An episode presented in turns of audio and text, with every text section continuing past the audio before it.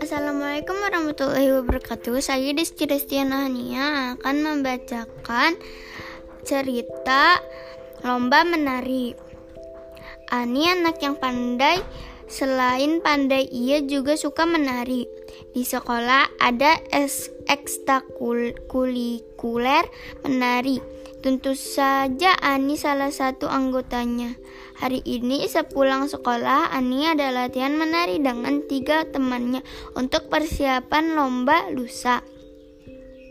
Kring, bunyi bel, pulang sekolah berdering. Semua anak keluar dari kelas untuk pulang ke rumah. Masing-masing hanya beberapa anak yang masih di sekolah untuk beberapa kegiatan. Di ruang seni ada Ani, Rida, Cahya, dan Mela. Mereka berempat yang terpilih mewakili sekolah untuk lomba menari lusa. Da, kamu sudah handle semua persiapan buat lusa kan? Tanya Ani pada Rina. Jangan khawatir Ani, tanteku bersedia untuk make up kita, jawab Rida. Kalau begitu, ayo kita latihan. Ajak Cahya yang disetujuin oleh teman-temannya. Sudah satu bulan terakhir, mereka selalu berlatih dengan bersungguh-sungguh untuk mengharumkan nama sekolah. Hari ini adalah hari perlombaan dimulai pukul 9, acara dimulai 15 menit lagi. Acara dimulai mereka masih di jalan karena terjebak macet. Benar, ini membuat mereka semua khawatir. Mereka akan telat, namun mereka tidak ingin di DO. Jika mereka di DO, berarti sia-sia persiapan mereka selama ini. Setelah bergelut dengan kemacetan, akhirnya mereka sampai pada tujuan. Mereka telat 30 menit dan ini membuat mereka semua was-was.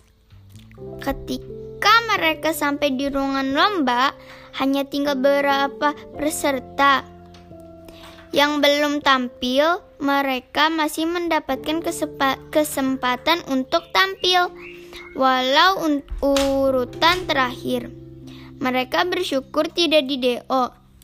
Tiba giliran mereka tampil, mereka memberikan penampilan terbaik yang mereka miliki, dan itu semua tidak sia-sia pada sesi pengumuman pemenang. Mereka mendapat kan juara pertama. Dari sini dapat kita simpulkan sesuatu yang kita lakukan dengan sungguh-sungguh dan ikhlas akan membawa kita pada hasil yang memuaskan. Sekian dari saya. Assalamualaikum warahmatullahi wabarakatuh.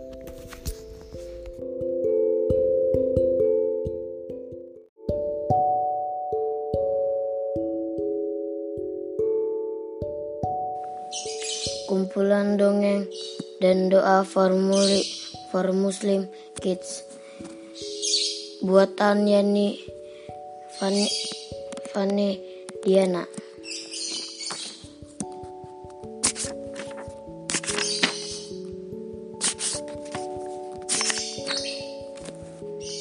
Ketika bermain di hutan, hidup kuda Nil menemukan sebutir melon. Dengan gembira, Hippo membawa melon itu pulang. Wah, buah melon ya. Salah tupai menyapa dari rumahnya.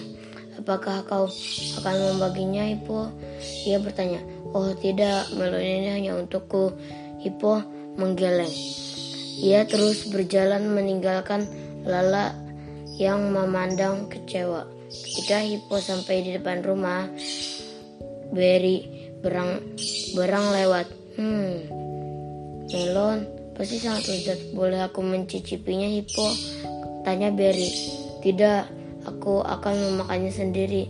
Jawab Hippo. Ia akan membawa melonnya masuk ke rumah. Sementara Berry hanya memerhatikan dengan iri.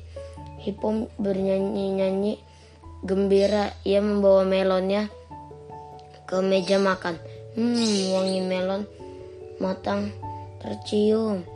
Hippo menggigit melon itu. Au, Hippo memegangi mulutnya. Giginya terasa ngilu. Tidak disangka ternyata kulit melon lihat lihat dan keras. Hippo mencoba menggigit buah melon itu lagi. Au, au, seru Hippo. Lagi, giginya semakin ngilu. Ia tidak bisa menggigit buah melon itu sedikit pun. Karena kesal, Hippo mencoba membuka buah tersebut. Keringat menetes di dahi Hippo. Buah melon itu sangat keras. Hippo tidak bisa membukanya walaupun walaupun sudah mencoba sekuat tenaga. Hippo terduduk lemas. Ia teringat dengan Lala dan Berry.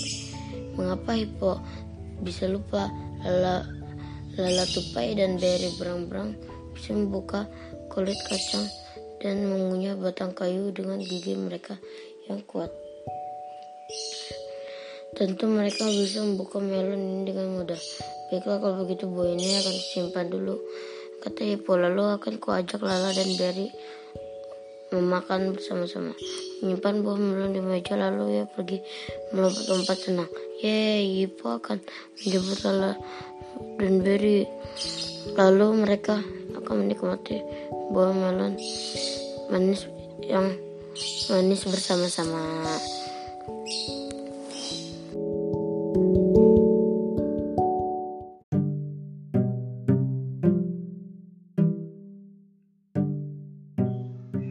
Assalamualaikum warahmatullahi wabarakatuh. Pa- Waalaikumsalam warahmatullahi pada hari ini atau akan menceritakan kisah Nabi yang berjudul Abu Bata As-Siddiq memalangi nabi-nabi palsu. Pada masa telah khalifahan Abu Bata As-Siddiq nabi-nabi palsu bermunculan. Salah satunya Tulaiha Al-Sadi yang telah membentuk pasukan dari berbagai dorongan di antara Bani Asad, Bani Drahavan, Bani Asbah, dan Bani Yuszunya. Abu Batam mem- memerintahkan Trali bin Wali untuk menumpas Tulaiha dan pasukannya. Peperangan terjadi di dataran Dazaha Tulaiha berhasil men- menyelamatkan diri namun ia akhirnya menyadari kesalahannya dan kembali memeluk Islam.